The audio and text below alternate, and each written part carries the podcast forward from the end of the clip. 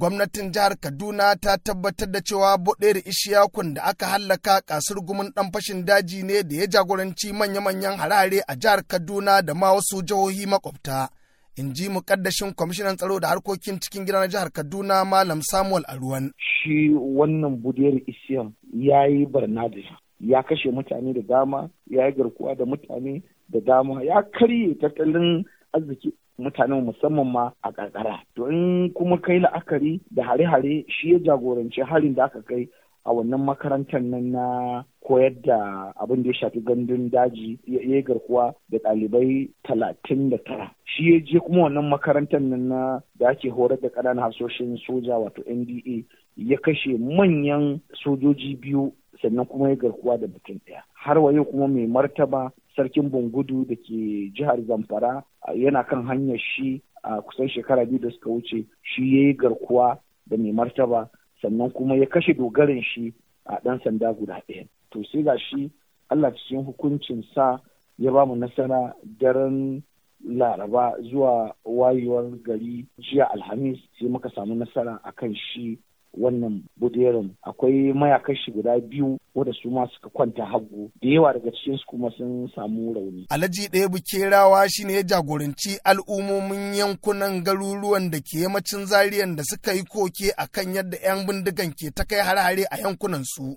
Kuma ya ce jin labarin kashe wannan ƙasar gumin dan fashin daji ya sa sun fara jin akwai yiwuwar su koma gona bana. To farko dai ba abin za mu ce ma Allah ya zuwa wayewan garin yau sai godiya. Korafin da muka yi ya fara tasiri ya zuwa yau. Dan yau an kashe gagarumin mutumin da ke kashe al'umma yake hana su noma yake hana su kwana da ke gidansu yake tasar da mutane mutane suke barin ƙauyaku zuwa bariki. Ya zuwa yau gwamnati ta yi nasarar kashe shi. To mutanen yau wasu ma da yawa sun tashi da azumi ne. Sakamakon wannan nasara da aka yi na kashe wannan ta'addan. Ko muna ma sojoji addu'a na ƙara samun nasara. Kuma ya kamata su ƙara samun ƙarfin gwiwa. Don haka akwai tunani in Allah ya da inda ba a nomawa ba ne inda aka ci gaba da wannan ƙoƙarin in Allah da bana za mu noma shi insha Allah. Masana harkokin tsaro irin su manju yashin kuma ritaya ma na ganin dole ne a jinjina wa jami'an tsaron wannan ƙasa akan wannan nasara da suka yi.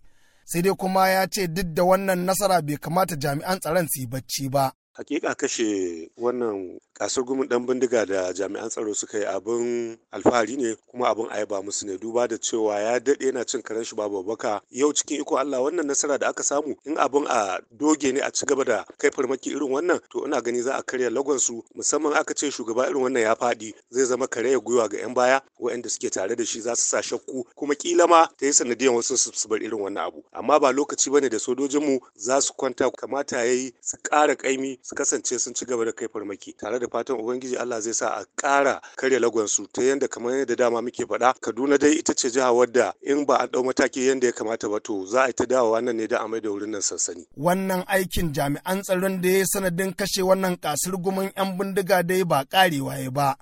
In ji kwamishinan tsaro da harkokin cikin gidan jihar kaduna malam samun aro da ya ce yanzu ma aka fara shi. Akwai ayyuka na musamman wanda ake yi. A yanzu da muke wannan maganar duk da cewa ba ma son mai dogon bayani akan abubuwan da ake amma dai tabbas duk yan fashin daji wadda suke kashe mutane suna garkuwa da mutane mutane talakawa bayan Allah wadda ba ba su gani ba su sani da cewa rana casa'in da tara na ɓarawo ne amma rana ɗaya na mai kayan. Cikin watan Fabrairu nan dai 'yan bindiga sun kai hare-hare a wasu daga cikin yankunan ƙananan hukumomin Igabi, Giwa, Cikun Ƙaura da Kajuru.